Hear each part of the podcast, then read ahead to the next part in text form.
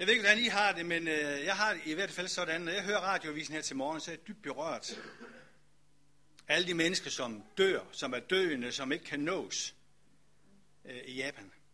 Jeg er dybt berørt over at høre, at en reaktor nu er på vej til at nedsmelte med stor risiko for, at så mange mennesker må gå til på grund af radioaktiv stråling. Og jeg synes, at jeg kan ikke andet stille op til her, at vi skal bede for de mennesker. Bede for, at der ikke må ske sådan en nedsmeltning, så masser af mennesker skal dø på grund af de omstændigheder, som nu er. Og der er egentlig så meget at bede om rundt omkring i den her verden, at vi stort set aldrig kan blive færdige. Men jeg vil gerne lige, at vi sammen kan bede for de der mennesker. Har det godt at vide, at du er herrenes herre, og der er intet, der er for småt eller for stort til dig. Heller ikke, når det drejer sig om at kan hindre katastrofer i at ske. Og der er jo sket en katastrofe, det må vi erkende. Herre, vær de, med de mennesker, som lider. De, som måske sidder indklemt og fastklemt endnu. De, som har opgivet håbet. Her vil du på en eller anden måde manifestere dig i deres liv. Du er den Gud, som stadig visker. Den Gud, som stadig taler ind i alle menneskers liv, fordi du elsker alle mennesker. Her gør en forskel hos dem, alle de, som lider nu, hos hele det folk. Hos mange andre folk i den her verden, hvor der er store, store problemer. For vores eget folk, for vores egen regering og folketing og styre i det hele taget, de som har magt og myndighed i vores land, at vi dog må få øje på dig, og dog må få øje på at lave tiltag, der gavner mennesker og som ærer dig. Her jeg beder dig om en helt speciel velsignelse fra dig. Amen. Sidst jeg var her, der var temaet for min prædiken, Gud visker stadig. Jeg laver et nyt tema til i dag. Det hedder Gud visker stadig. To. Jeg synes, det er godt at, at vide, at Gud visker til os, taler til os. Og sidste gang jeg var her, der nævnte jeg, at han taler til os igennem seks forskellige kanaler. Det, der er interessant med Gud, det er, at han taler, når han vil. Han taler til hvem han vil. Og han taler, hvordan han vil. Jeg vil godt lige prøve at nævne de der seks kanaler, så vi lige kan prøve at opsummere det fra sidste gang. Allerførst så taler Gud igennem Bibelen. Meget af det, som Gud ønsker at sige til dig, det er allerede sagt. Det er allerede skrevet ned. Gud taler igennem sit ord, og jeg vil gerne sige til dig, at han stopper først med at tale igennem sit ord i det øjeblik, du klapper bogen i. Hvis du aldrig åbner din bibel, så skal du heller ikke forvente den store talestrøm fra Gud. Kanal 2. Gud taler til dig, til mennesker, gennem begavede mennesker. Og begavede mennesker har intet at gøre med intelligens. Begavede mennesker er mennesker, som Gud på en helt speciel måde begaver med sine nådegaver. Kanal 3, det var, at Gud taler igennem almindelige mennesker, som dig og mig. Gud har sat os imellem hinanden, så vi kan se andres blinde vinkler, og kan hjælpe hinanden, kan støtte hinanden, kan korrigere hinanden. Gud taler også igennem indskydelser, igennem drømme, igennem tanker, som vi får. 5. Gud taler igennem smerte, både den fysiske smerte og den smerte, som måtte være psykisk. Så er der den her kanal 6, som er noget af en speciel kanal. Det er den lydløse kanal. Gud taler der, hvor han også bliver tavs. Det giver måske også tid til refleksion over, hvad er det egentlig Gud han vil med os. Gud taler stadig igennem, nu har jeg nævnt seks kanaler med nogle indhold i. Gud kan tale, hvordan han vil, og når han vil. Jeg har før hørt om, at han talte igennem det æsels mund, så der er ingen grænse for Gud. Gud visker altid til dig og til mig. Og de ord, han visker i dag, er et lille, lille ord på tre bogstaver, som han visker til dig i dag. Et ord, som du kan vælge at reagere positivt på. Du kan også vælge at reagere negativt på det, og du kan bare lade som ingenting og være ligegyldig. Det er et ord, som lyder flere gange igennem evangelierne, kommer fra Jesu egen mund. Det er et ord, som hedder kom. Hver eneste gang Jesus siger kom, så er det et betingelsesløst kom. Det er ikke bare kom, hvis du, eller hvis du gør sådan eller sådan. Han, det er betingelsesløst kom. Han står med åbne arme og ønsker at tage imod dig. Og når Jesus han siger kom, så er der noget at komme efter. Det er ikke bare et først og fremmest kom og give, men aller, aller først, så, så er det et kom og få. Den der kom-invitation, den lyder lige nøjagtigt til dig i dag. Hvordan du vil respondere på den, om det er positivt, negativt eller med ligegyldighed, det er fuldstændig op til dig. Men hvis du ønsker et ekstraordinært liv, og det tror jeg rigtig mange af os gør, så vil det være rigtig klogt at reagere positivt på ordet, når Jesus siger kom. Jeg vil godt sige til dig, og vi ved det jo generelt, men Jesus ønsker fællesskab med dig. Ikke bare søndag formiddag, eller påske søndag, eller anden påskedag, eller hvornår det måtte være. Han ønsker generelt fællesskab med dig. Prøv at høre her 1. Korinther 1.9. Trofast er Gud, som kalder dig til fællesskab med sin søn, Jesus Kristus, vor Herre. Jesus har en stående invitation til dig, som hedder, kom til mig. Så har han i øvrigt en række kommer, som jeg godt lige vil sige noget om. Den første det er, kom og se. Nu prøv så at lægge mærke til, hvem det er, der skal åbne øjnene. Kom og se. Jeg vil åbne dine øjne. Og jeg, det er ikke mig, det er Jesus. Den her invitation til at komme og se, kan du finde i Johannes evangeliets første kapitel i vers 39. Her står Johannes Støber ved floden sammen med to af sine disciple, som er Johannes og Andreas. Så kommer Jesus gående forbi, og Johannes han siger, se der Guds lam. Og Andreas, og ikke Johannes Løbe, men den anden Johannes, de opfatter den her, se det Guds lam som en invitation til at følge Jesus. Så de går efter ham, og så Jesus han oplever, hm, der kommer to efter mig. Så hans udsagn her med, hvad vil I? Så har de egentlig et mærkeligt svar på det. Mester, hvor bor du? Og så siger Jesus de her ord, kom og se. Den her invitation til at komme og se, det er ikke bare en invitation til at komme og se, hvor Jesus bor, men det er en invitation til at komme og se, hvem Jesus er. At han er den levende Guds søn, at han er Messias. Andreas og Johannes, de her disciple af Johannes Døberen, de så, at Jesus var Messias, og det forvandlede deres liv fuldstændig. De var ganske almindelige fiskere, men de blev menneskefiskere. Og hvad sker der med Johannes og Andreas? De farer tilbage til deres venner og siger til dem, vi har set Messias, ham som Moses har skrevet om i loven, og alt det profeterne har talt om. Josef, søn fra Nazareth, ham har vi mødt, ham har vi set. Vi har fundet ud af, hvem han er. Han er Messias. Og den her kommer og se invitation, den spreder sig ud blandt disciplene. Og den går fra generation til generation frem til i dag, og udfordrer dig og mig til at gå ud og sige, kom og se. Vi har også en generation, som i den grad har brug for, kom og se, Jesus Kristus er Guds søn. Han er verdens frelser. Og den her invitation til at komme og se, den gælder alle mennesker. Uanset om det er muslim eller hinduist eller hvem det er, det gælder alle mennesker. Han ønsker, at vi skal komme og se, at Jesus er Guds søn og verdens frelser. Det, der er interessant ved Jesus, det er, at han kender os alle sammen urind. Han ved lige nøjagtigt, hvordan han skal tale personligt til os, så vi dog fatter og kan se. Jesus bruger mange forskellige metoder. Jeg vil lige prøve at nævne et par stykker af dem. Simon, han kom, og han så. Han så, hvem Jesus var, dengang Jesus gav ham et nyt navn. Simon, du skal ikke længere være Simon. Du skal, du skal ikke være så lille rullesten, der bare flyder frem og tilbage. Du skal være Peter, klippen. Den klippe, som står fast. Og hvad er det, Peter han gør? Simon Peter, som han jo hedder. Hvad er det, han gør senere? Som virkelig beviser, at han blev seende og så, hvem Jesus var.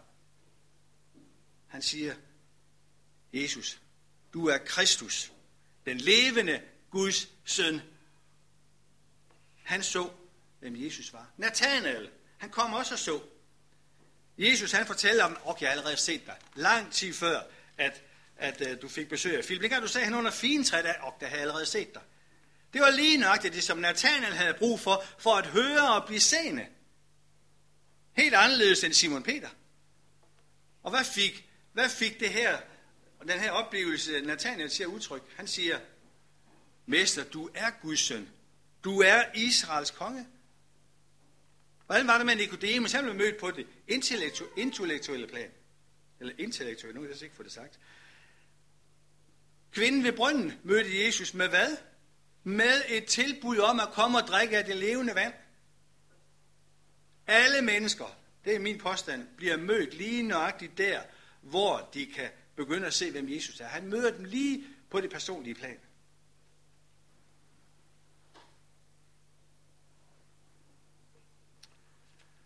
Jesus møder den enkelte til og, ind, og møder det kald, som han siger, kom og se, hvem jeg er. Og så må spørgsmålet være, har du virkelig set, hvem Jesus er? Har du virkelig set det? Jesus kalder videre med sit kom. Det næste kom, der lyder for Jesus, er, kom og lær af mig. Så skal du finde hvile for din sjæl. Invitationen står i Matthæus 11, 29, hvor der står, tag mit å på dig og lær af mig, for jeg er sagt modig og ydmyg af hjerte. Og så kommer sætningen, så skal du finde hvile for din sjæl. Den her sætning, så skal du finde hvile for din sjæl, er der rigtig mange mennesker i dag, der har brug for at høre. I stedet for hvile i sjælen, er der alt for mange mennesker, der oplever forvirring i sjælen. De søger og søger og søger på masser af forskellige fronter, for netop at få hvile i deres indre, i deres sjæl. De søger forskellige religioner. De søger selvrealiseringskurser. De søger i New Age-filosofier. De søger ekstreme oplevelser, stræber efter karriere og samler i, i lade, materialistisk set.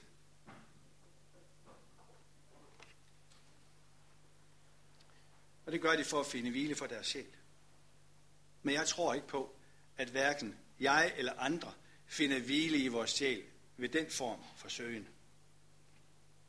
Jeg tror, det går dem, der finder hvile på den måde, nøjagtigt ligesom det gik den fortabte søn. Han fik serveret alt for meget svineføde. Resultatet blev, at hans sjæl blev mere og mere hvileløs.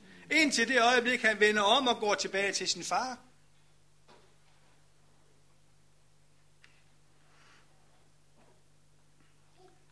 Hos Jesus er det ene sted, du virkelig kan finde hvile for din sjæl. Og han deler med glæde opskriften nu omkring, hvordan du får hvile. Han deler den rigtig gerne ud til den, der vil tage imod det. Masser af vidnesbyrd fortæller jo, at Jesus han giver hvile til sjælen under helt vildt ekstreme situationer. Når folk er i nød, hvis vi tænker på folk, der er som i Japan nu, han kan give fred i sjælen, han kan give hvile i sjælen, så man ikke forstår det. Folk, der er udsat for sygdom, for død, for, for øh, sorg og for alt muligt, som virkelig går ondt i livet, han kan give dem en fred, som overgår al forstand, hvile i sjælen. Jeg har besøgt syge, jeg har besøgt døende, som på trods af deres situationer siger, at deres liv er fredfyldt. Det er ikke de alvorlige situationer, der giver freden. Det er ham, der siger, lær af mig, så skal du finde hvile for din sjæl. En tredje kom-situation, eller kom-invitation, det kommer hvil. Kom med ud på et øde sted, siger Jesus til sine disciple. Så derude, hvor I kan være alene, og så hvile jer lidt. Og hvad var der sket lige forud? Der var disciplene blevet sendt ud to og to, for at gå ud og forkynde evangeliet. Og de kommer vildt begejstret hjem og fortæller om, hvad de har oplevet, fortæller om, hvad de har lært folk, og fortæller, hvad der er sket hos dem. De har haft så travlt, at de hverken har haft tid til at spise eller til at sove. Og så er det, Jesus siger, jeg ved, I trænger til hvile. Kom med ud på et øde sted og hvil jer. I den her, som jeg godt kan opleve det, jeg ved ikke, hvordan I oplever det, den her forjagede verden, som vi lever i, der er der godt nok brug for, at vi indimellem slår livet i bakgear og får hvilet os.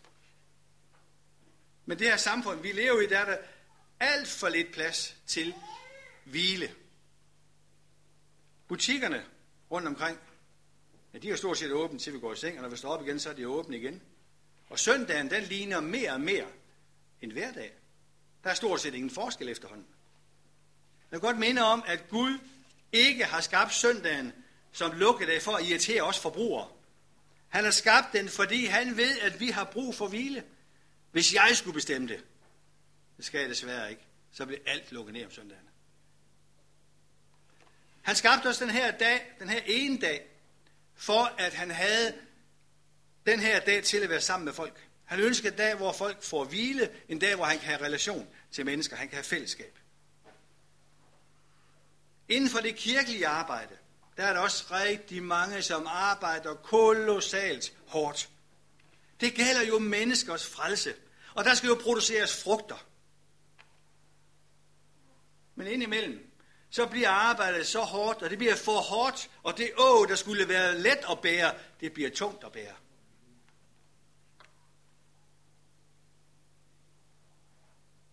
Arbejde det bliver hårdt, hvis vi oplever, at der ikke kommer frugter ud af vores arbejde. Så kan byrderne virkelig blive tunge, og så kan vi brænde op, og så kan vi give op. Jeg tror ikke på, at det er Guds idé.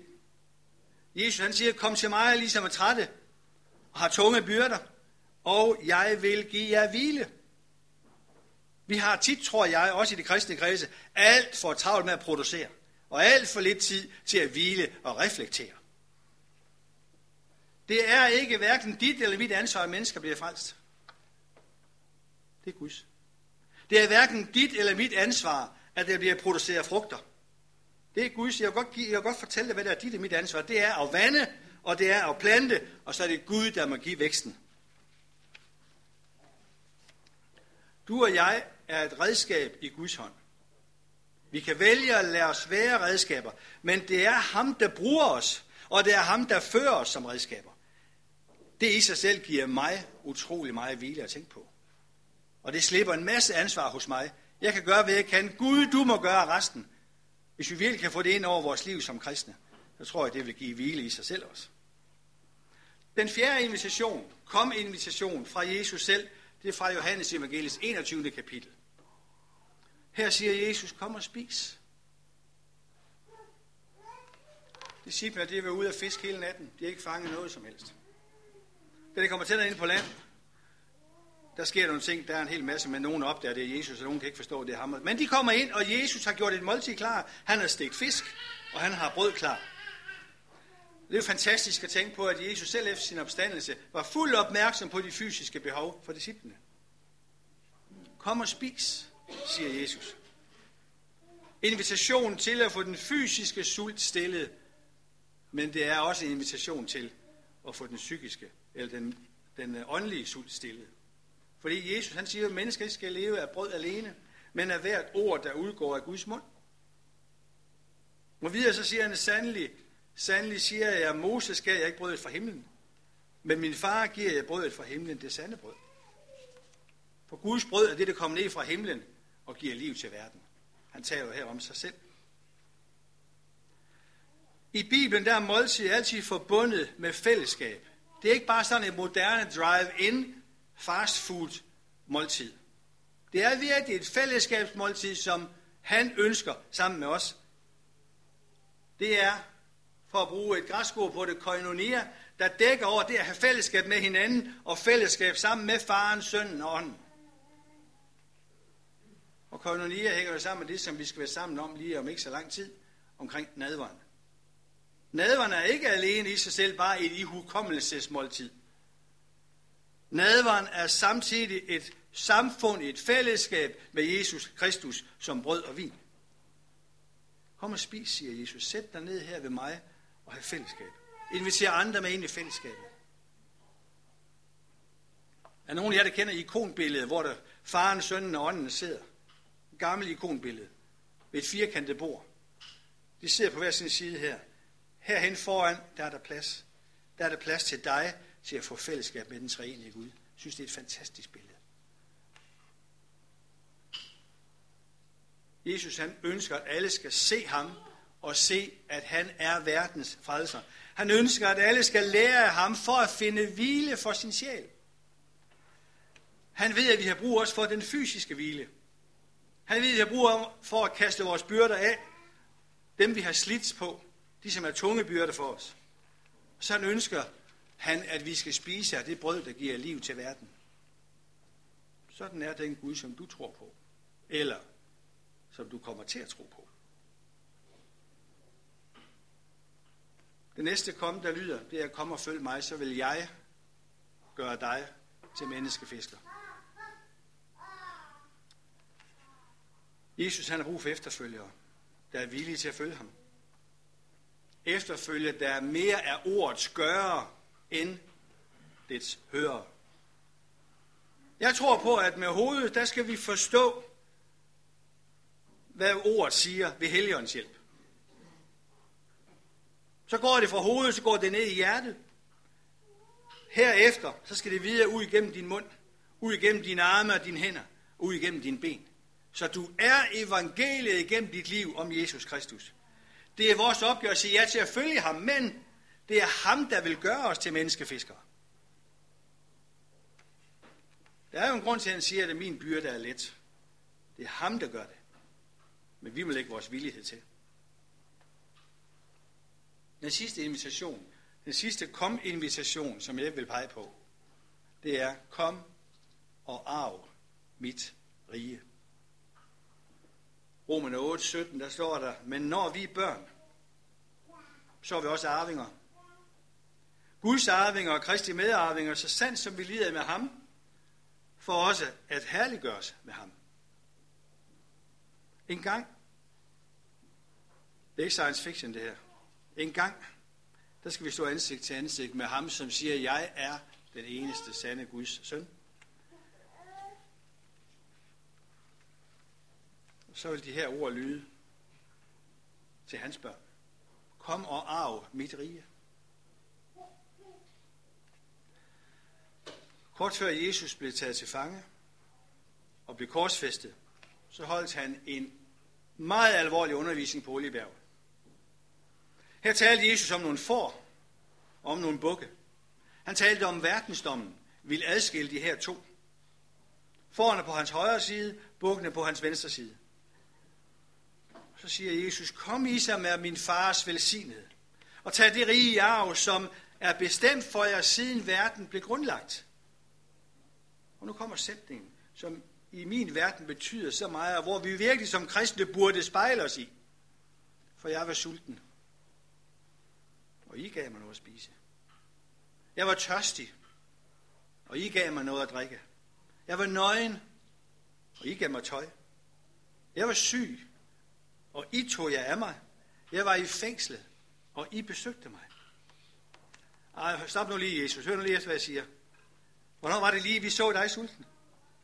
Hvornår var det lige, vi kom og gav dig noget at spise, da du var sulten? Eller gav dig noget at drikke, da du var tørstig? Eller hvornår var det lige, vi tog imod dig som fremme eller besøgte dig i fængsel? Hvornår var det, var? Så er det Jesus, han siger. Og det her, det genkender ham som med hovedet, eller som modtager evangeliet, hvor det bliver forvandlet fra hjerte til arme og hænder og fødder osv.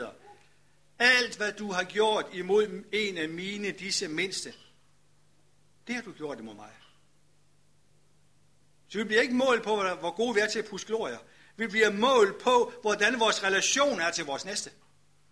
Det er der evangeliet skal forkyndes igennem, som jeg ser det. Først og fremmest ved at være det, dernæst ved at sige det. Og så er det Jesus, han siger til dem på sin højre hånd. Kom og tag det rige arv, som jeg har forberedt for jer. Jeg tror på, at Gud stadigvæk visker. Jeg tror på, at Gud stadigvæk taler ind i menneskers liv. Jeg tror på, at Gud stadigvæk taler ind i dit liv. Her har der lyttet nogle forskellige måder at sige, kom på. Kom til mig, siger Jesus, så skal du blive sen. Kom til mig, så skal du få fred i din sjæl. Kom til mig, så skal du få hvile. Kom til mig, så skal du blive mæt. Kom og bliv min efterfølger. Og sidst men ikke mindst, kom, så skal du arve mit rige. Hvad er dit gensvar? Når Jesus kalder, er det positivt? Eller er det måske negativt? Eller er det bare sådan ligegyldigt, der er jo søndag, nu er gudstjenesten snart færdig, så skal vi hjem igen. Hvad er din reaktion på det her? Hvad kan det betyde ind i dit liv, når Jesus kalder på den her måde? Han kalder, fordi han ønsker at have fællesskab med dig. Han kalder, fordi han har omsorg for dig. Eller han har det. Hvad er din bøn til ham nu? Lige nøjagtigt nu her, hvor du har hørt noget af hans stemme, noget af det, han siger, og han taler selvfølgelig forskelligt ind af hver jer. Men det du oplever lige nu, hvor hans kald lyder til dig på en eller anden måde, hvad er din reaktion på det? Hvad er din bøn til ham? Jeg tror, det er rigtig, rigtig godt lige sådan bare at bruge nogle få øjeblik til at reflektere over. Hvad er mit gensvar til det, Jesus han kalder mig til? Hvad er mit gensvar til det, jeg har hørt på den ene eller den anden måde i vores fællesskab?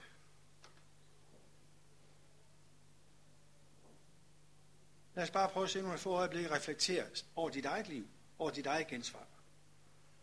Bagefter vil jeg bede en bøn.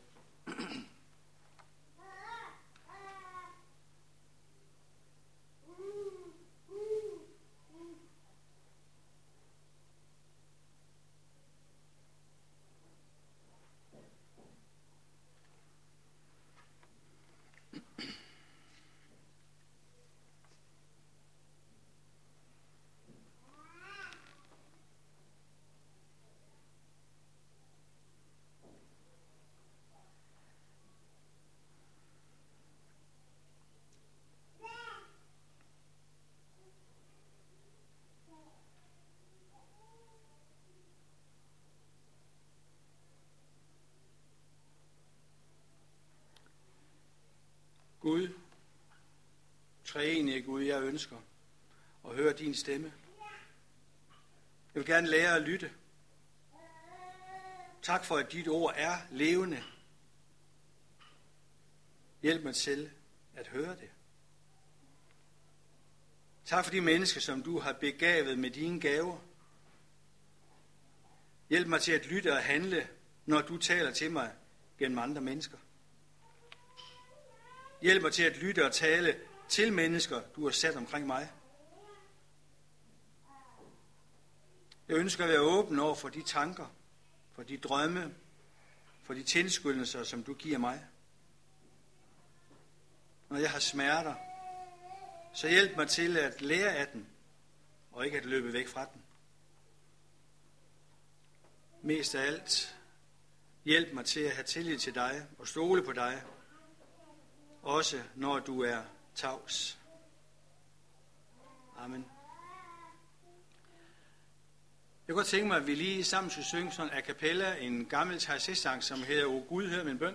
Det kan godt være, at jeg kommer til at synge den solo, men så er det ikke noget at gøre ved. Øh, men syng lige med på den, så godt I nu kan. Den her står heroppe nu, ja. O Gud, hør min bøn. O Gud,